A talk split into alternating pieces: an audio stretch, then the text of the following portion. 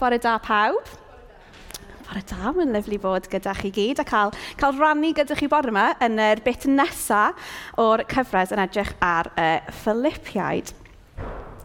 Nawr, tybed os ydych chi erioed wedi cael gwybod neu erioed wedi dweud wrth rhywun eu bod nhw angen newid ei agwedd. Efallai dweud wrth plentyn, Uh, bod, bod ti'n bod yn cheeky neu just yn heffin yn peffin, uh, eh, bod angen newid yr agwedd drwg yna. Dwi'n gwybod pan o'n i'n tyfu fyny, oedd hynna'n uh, rhywbeth o'n i'n clywed just ychydig um, yn tyfu fyny. Um, neu efallai bod mae gennych chi sefyllfa a mae agwedd tuag ato fe yn un eitha negyddol a mae rhywun yn dweitha chi i gael agwedd positif tuag ato fe sydd wedyn yn newid y ffordd Dych chi'n ymddain a dych chi yn ymwneud gyda'r sefyllfa. Mae'r agwedd dyn ni'n cael yn peth boesig iawn yn dydy. Ac mae'n peth pwerus ac yn dylanwadol. Mae'n agwedd ni a'r meddylfryd sy'n gynddo ni ydy'r ffordd dyn ni yn yn penderfynu ac yn gweld pethau ac yn penderfynu ar y ffordd dyn ni'n deall a prosesu pethau sydd wedyn yn cael effaith ar y ffordd dyn ni'n ymddoen ac ymateb iddyn nhw. So, os o'n i i ofyn rai ohonych chi bore yma i glanhau'r capel i gyd, dim jyst stafell grisiau, ond ystafell i gyd, ac oedd agwedd chi tuag at glanhau yn un positif, so hynna'n yn penderfynu sut oeddech chi'n mynd o gwmpas wneud y tasg gyda hapusrwydd ac isio gwneud. Ond, os oedd eich agwedd tuag at glanhau yn un lle oeddech chi'n casau glanhau, so hynna yn newid y ffordd ydych chi'n mynd tuag at y tasg, neu beidio, probably, os doeddech chi ddim, yn hoffi. A mae'r agwedd sydd gynnu ni ydy'r lens troi beth a sut dyn ni'n gweld bywyd a sut dyn ni'n byw bywyd. A mae'n hefyd y beth mae pobl eraill yn gallu gweld ynddo ni. Ac yn y darn nesaf o'r llyfr i'r Philippiaid, llythyr hyd yn oed, mae gan Paul rhywbeth i ddweud am eu hagwedd nhw, ac yn penodol yr agwedd o pobl wedi uno yn Christ. A byddwn ni'n gweld wedyn sut beth sydd ganddo i wneud gyda ni heddiw hefyd. A dros yr wythnosau diwethaf, dyn ni wedi bod yn mynd trwy cyfres yn edrych ar, um, y, yn edrych ar Philippiaid yn edrych ar fywyd gyda Christ a'r cyffro a chyfrifoldeb sydd gyda ni fel pobl Christ. A wedi bod yn mynd troi llythyr y Philippiaid wrth gwneud hynna. A fel dyn ni'n gwybod, oedd y llythyr yma wedi cael ei sgwennu at yr eglwys yn Philippi. Oedd yn dinas yn yr ymarodraeth Rhyfeinig o dan awdurdod Cesar. A roedd yr llythyr wedi cael ei ysgrifennu gan Paul, oedd wedi ymweld â'r credinwyr yma fel rhan o'i daith cynhadol. A fel dyn ni wedi gweld dros yr wythnosau diwetha, ar y pwynt yma roedd Paul yn y carchar oherwydd ei fod wedi bod yn pregethu y gyhoeddi y newyddion da am Iesu Grist ac oedd yn aros i gael ei roi ar prawf. Ond er yr amgylchiadau oedd Paul ynddo. Dyma Paul yn sgwennu y llythyr yma at y Philippiaid, sydd yn llythyr llawn llawenydd, gobaith ac ynogaeth. Yn rhanno, oherwydd oedd Paul yn hoffus iawn o'r grŵp o'r crydynwyr yma ac yn clywed am y tystiolaeth a'r bywydau oedden nhw'n byw i Iesu Grist. Ond yn rhannol, oherwydd oedd Paul yn gwybod ei hun beth oedd ei gael llawenydd, nid yn pethau'r byd a phethau di-ddal, ond i cael llawenydd yn Christ ei hun. A heddiw, dyn ni wedi cyrraedd yr ail penod o'r llythyr, a dyn ni'n mynd i canolbwyntio ar y section o'r adnodau ar y dechrau o penod 2. Felly, ni'n mynd i darllen Philippiaid 2 yn dechrau adnod 1 os ydy perthyn i'r Mesoea yn ynogaeth nogaeth, o unrhyw fath i chi, os ydy ei gariad o unrhyw gysur i chi, os ydy'r ysbryd yn eich clymu chi'n un ac yn eich gwneud yn llawn tosturi ac yn gyredig, yna, gwnewch fi'n wirioneddol hapus drwy rannu'r un agwedd meddwl, dangos cariad at eich gilydd a bod yn un o ran ysbryd a thyrpas. Peidiwch bod am y gorau i fod yn boesig nac yn llawn ohonych chi'ch hunan. Byddwch yn ostyngedig a pheidio meddwl eich bod chi'n well na phobl eraill. Meddyliwch am bobl gyntaf yn lle dim ond meddwl amdanoch chi'ch hunan. Dylai eich agwedd chi fod yr un fath ag agwedd y Mesia Iesu. Roedd yn rhannu'r un natur a Dyw, heb angen ceisio gwneud ei hun yn gydradd a Dyw, ond dywesodd roi ei hun yn lloer i wasanaethu eraill, a gwneud ei hun yn geithwas, a dod ato ni fel person dynol, roedd yn amlwg i bawb ei fod yn ddyn. Yna, di raddio ei hun fwy fydd, a bod yn ifydd, hyd yn oed i farw, ie, yeah, drwy gael ei ddienyddio ar y groes. Felly dyma Dyw yn eidrychafu i'r safle uchaf a roi'r enw pwysica un iddo, Bydd pob glin yn plygu i enw Iesu, pawb yn y nefoedd, ar y ddeiar a than y ddeiar. A bydd pawb yn cydnabod mae Iesu Grist ydy'r arglwydd ac yn rhoi clod i ddew y tad. A bendith dew ar ei air i ni gyd y bore yma. Na bydd y rai observant ohonych chi wedi sylwi reit ar y dechrau o'r adnodau yma. Mae'n dechrau gyda'r gair os neu yn y Beibl Cymraeg Newydd, felly, a'r cyfeithiadau Saesneg, therefore. A fel maen nhw'n, dwi'n gwybod os mae hyn yn say cyffredin, ond if it starts with a therefore, see what came before. Uh, a fel rheol, mae'n bwysig um, i unrhyw darllen um, i edrych cyn y gair ddeffo i weld beth mae'n sôn amdano. Ac mae'n rili really boesig i ni pan dyn ni'n darllen y Beibl ac yn ystyried beth mae'n ei ddweud ac yn dysgu i ni. Ac os dyn ni'n edrych cyn a beth sy'n dod cyn, dyn ni'n ffindio yr adnodau oedd Rhys yn rhannu gyda ni wythnos diwethaf yn sôn am ein hymddygiad ni fel pobl dew. Ein bod ni, oherwydd ein ffydd, yn dinasyddion yn nefoedd a dyn ni fod i ymfaen a byw ein bywyd yng ngoleini hyn.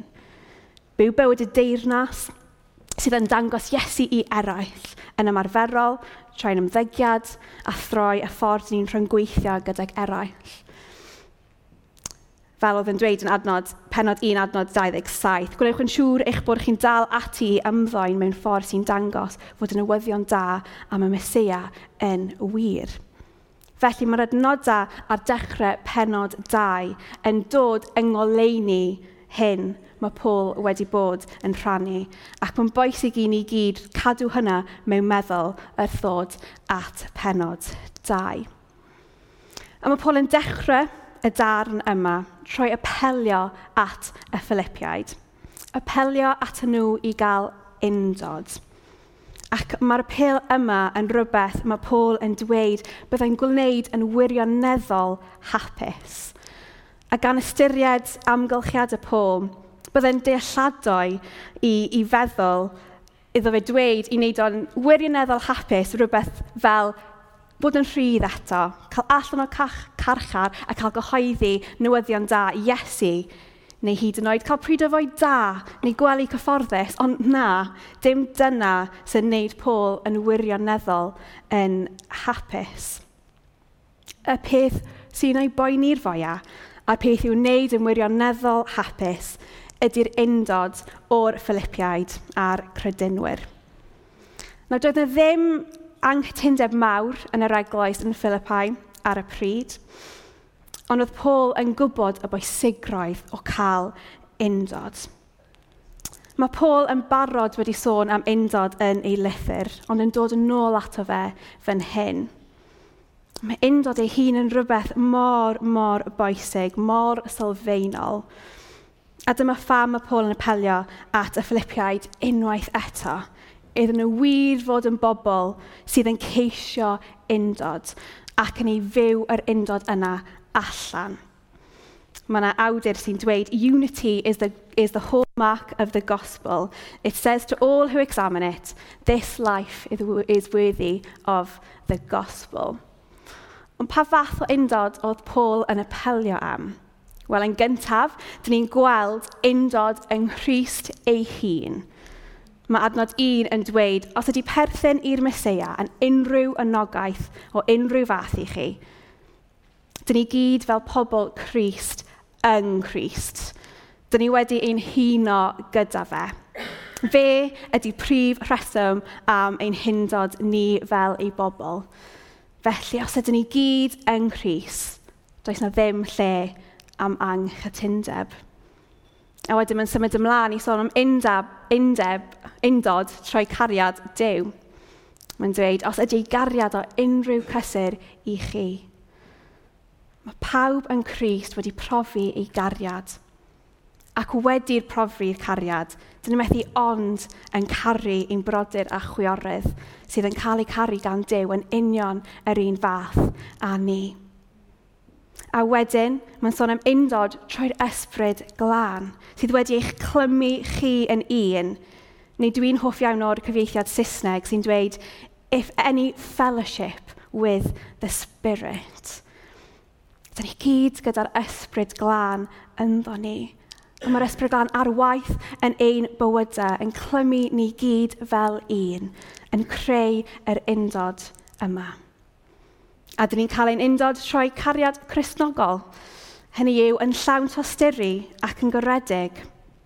Os ni'n pobl sy'n wir yn caru, byddwn ni'n cael cysau anghytundeb.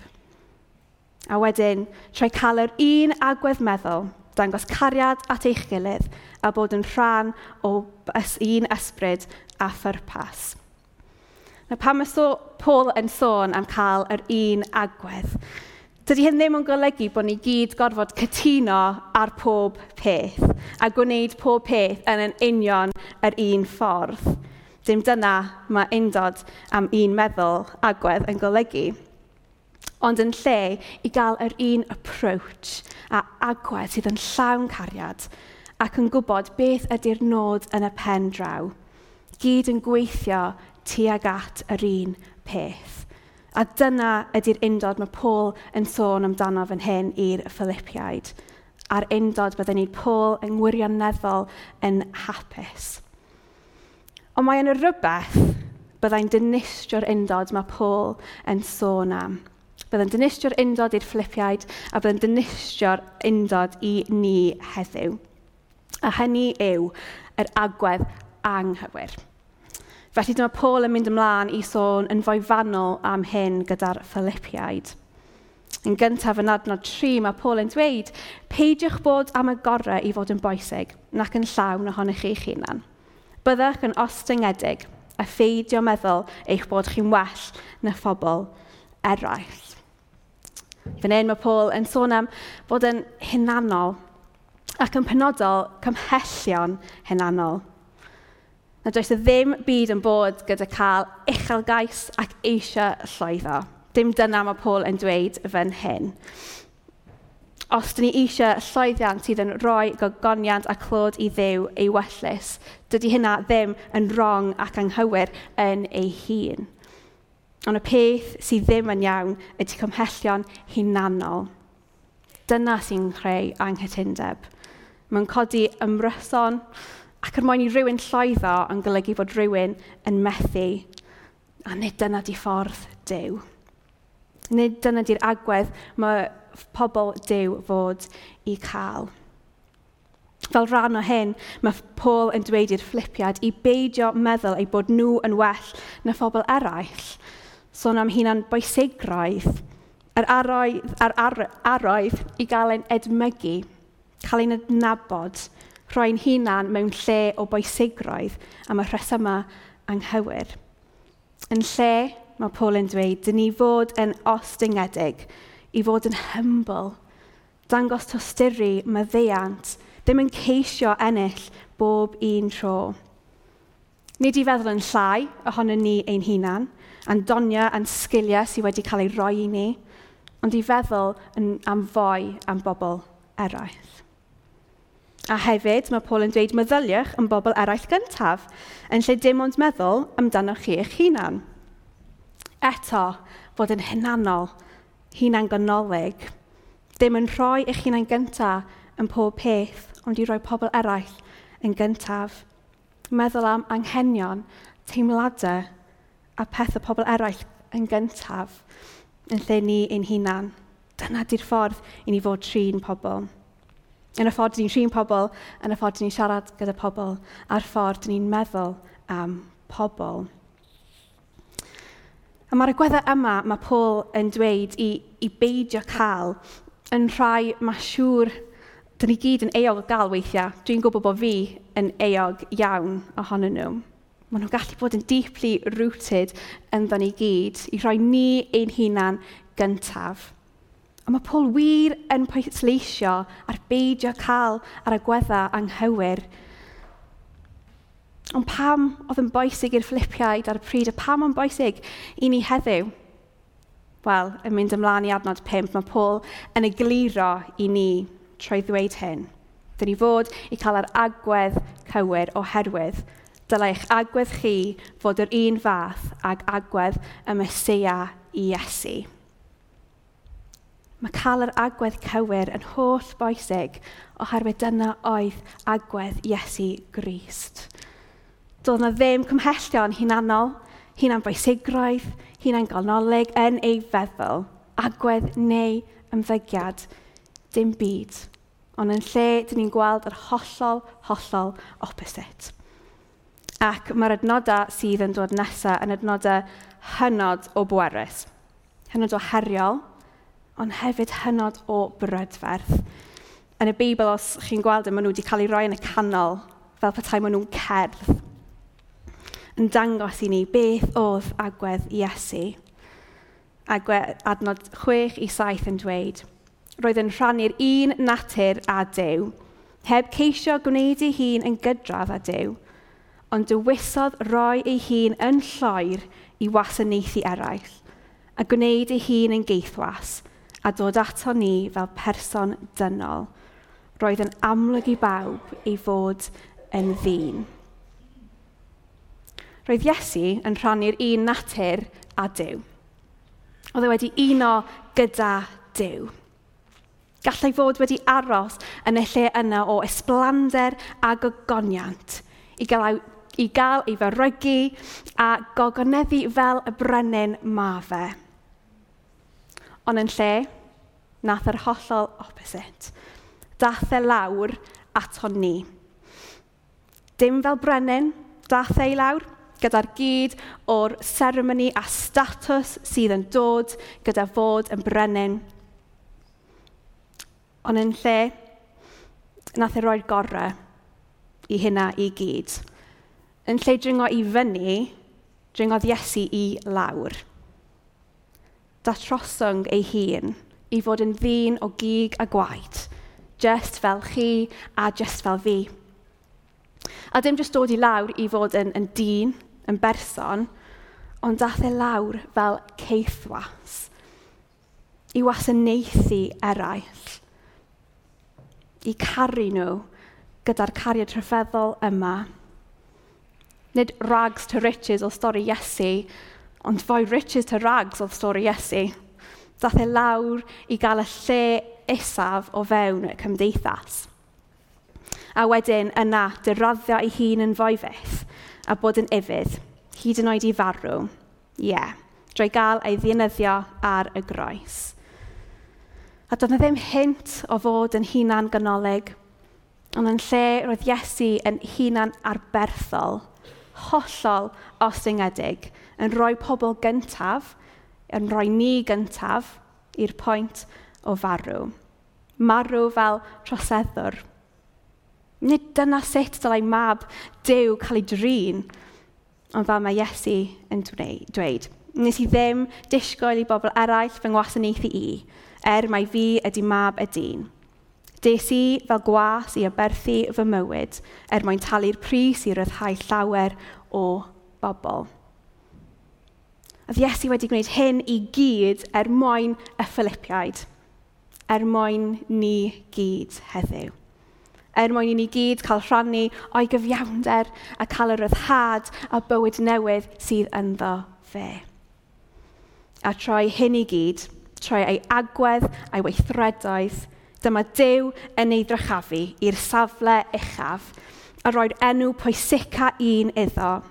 Bydd pob glin yn plygu i enw Iesu, pawb yn y nefoedd ar y ddeiar a than y ddeiar, a bydd pawb yn cydnabod mae Iesu Grist ydy'r arglwydd ac yn rhoi clod i ddew y tad. Dyma mae Paul yn ei sôn amdano a ddweud fod yn hagwedd ni fod yr un fath a Iesu. I fod yn gostyngedig. i caru eraill ac i wasanaethu eraill. Ond nid er mwyn i ni cael ein drachafu a cael y clod, ond er mwyn iddo fe cael ei drachafu. Achos ni wedi cael ein huno yng Nghyst, dylsa ein hagwedd ni adlywyrchu i agwedd fe. I ddangos Iesu i'r byd o'n cwmpas ni. I fod fel doelo a traed Iesu ar y ddeiar. I weld pobl yn dod i cydnabod Iesu Gris fel arglwydd, yn rhoi clod iddo a plygu glin o'i flaen. Os ti'n stopio i funud am feddwl Be fydd yn edrych i mi i wasanaethu eraill fel Iesu? Beth fydd yn edrych i garu y pobl yn ein cymunedau ni gyda chariad Christ? Beth fyddai'n edrych fel i roi anghenion a diddordebau pobl yn ein lle gwaith, ysgolion, ar ein strydoedd gyntaf? Mae Paul yn pwysleisio ar hyn cymaint oherwydd mae'n gwybod y gwahaniaeth mae'n wneud. Ac oedd e wedi profi y tystiolaeth bys yn dangos i eraill. Dwi ddim yn gwybod amdano chi, ond mae hyn yn heriol iawn. Dwi'n edrych ar fy hun, a dwi'n gwybod dydy fy agwedd i ddim wastad yr un agwedd a Iesu. Weithiau dwi'n ceisio rhoi fy hun gyntaf, be dwi eisiau yn lle meddwl am pobl eraill a gwasanaethu. Ond y newyddion dda ydy, oherwydd ein hyndod yng Nghyst, dyn ni'n cael ei agwedd a'i esiampl i ni allu dilyn a byw allan.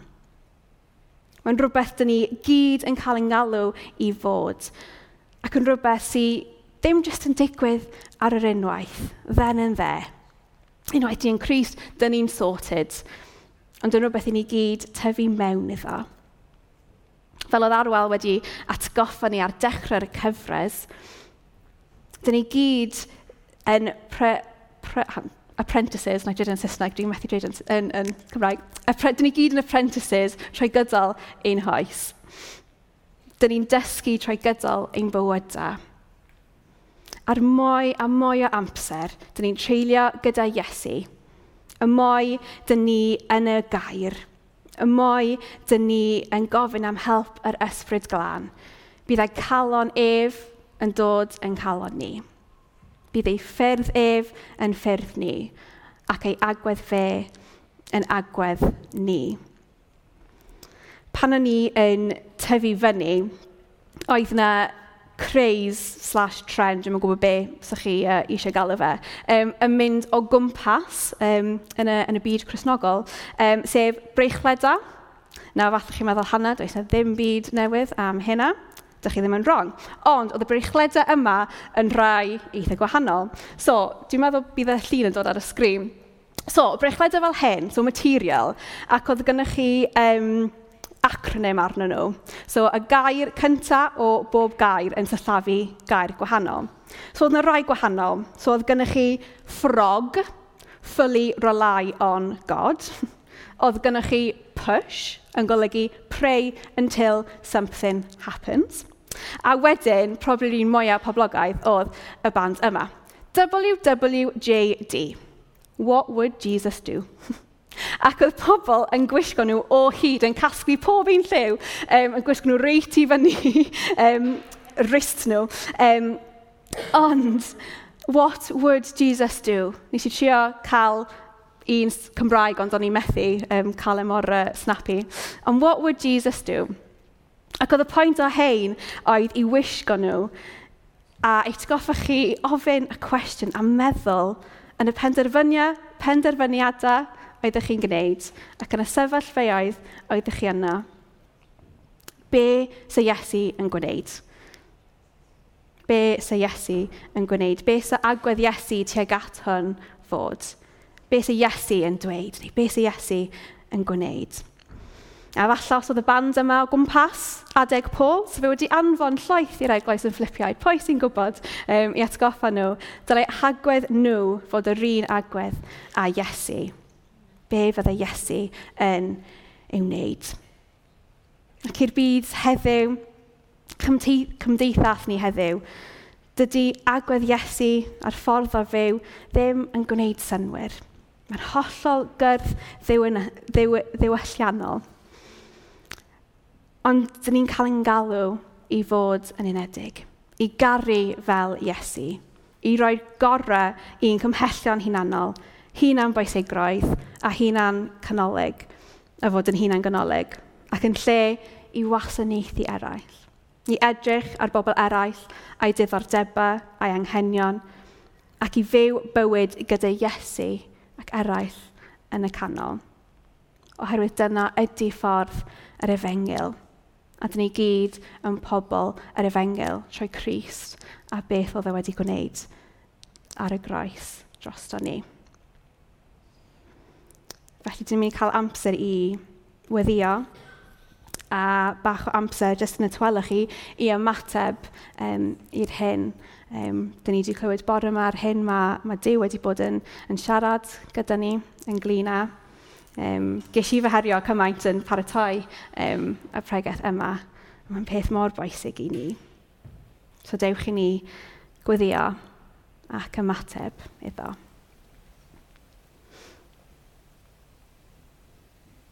O ddew, diolch cymaint am dy air di i ni. Diolch i fod yn, yn siarad mewn i'n bywydau ni heddiw ac i fewn i'n cymdeithas, i fewn i'r byd, a bod yn trawsffurfio ni. Diolch Dyw dy fod ti dal i weithio ynddo ni yn parhaus, troed ysbryd, ac yn neud i ni mwy fel Christ. A diolch bod ni'n cael ein huno gyda ti ac i eraill yng Nghyst. Rhoi dy gariad, rhoi dy ysbryd, rhoi cariad cresnogol a troi cael yr un agwedd. A gwneud helpa ni fod yn bobl sydd yn ceisio undod, a sy'n dod y undod mewn i lefydd sefyllfeoedd, amgylchiadau lle mae yna anghytundeb. Felly, os mae yna unrhyw sefyllfa neu amgylchiad dyn ni'n gwybod am, ni sydd ar ein meddwl lle mae angen undod, dyn ni dod nhw nawr i ti ddew. A gofyn am undod a sut ti eisiau defnyddio ni yn ddyn nhw. Dyn ni'n dod yn nhw nawr i ti.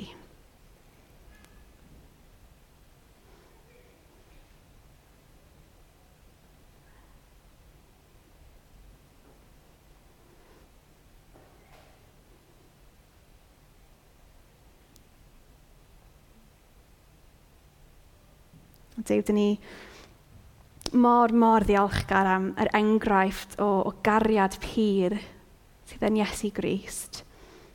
Diolch am ei galon droston ni gyd, y ffordd daeth y lawr i'n plith, ddim i gael ei anrhydeddu fel brenin, ond i wasanaethu fel ceithwas.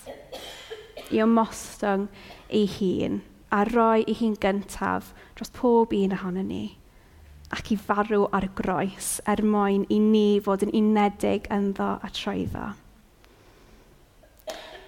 A dyn ni'n cael ein galw i adlywyrchu yr un agwedd o wasanaethu a chariad, i rhannu'r un agwedd meddwl, i fod yn doelo a traed i Iesu ar y ddeiar, yn ein cymunedau ni, yn ein tref ni, strydoedd, llefydd gwaith, ysgolion, A dyn ni'n cydnabod bod hyn yn gallu bod yn, yn costus ac aberthol. A Dyw, dyn ni'n sori am yr amseroedd lle mae'n hagwedd ni ddim wedi bod yr un agwedd a Iesu. Lle dyn ni wedi gadael yr agweddau anghywir dod i fewn. A'r glai, dyn ni yn sori a dyn ni'n dod nhw naw i ti a gollwng nhw eith dy draed.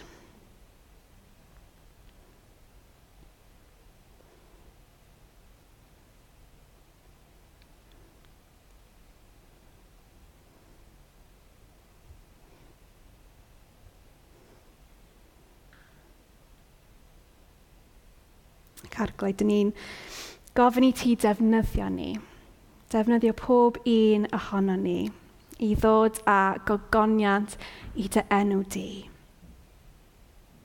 Dangos i ni sut i ni'n gallu gwasanaethu a charu eraill arglwydd. Ni i fod yn gweithio trwy dy ysbryd yn pob un ohono ni. I ni allu gallu adlywyrchu Iesu i pawb o'n gwmpas ni. Er mwyn gweld pob glin yn plygu i enw Iesu pawb yn y nefoedd, ar y ddeiar a than y ddeiar. A gweld pawb yn cydnabod mae Iesu Grist ydy'r arglwydd ac yn rhoi clod i ddew y tad. Dy enw sanctaidd di, dyn ni'n gweddio. Amen.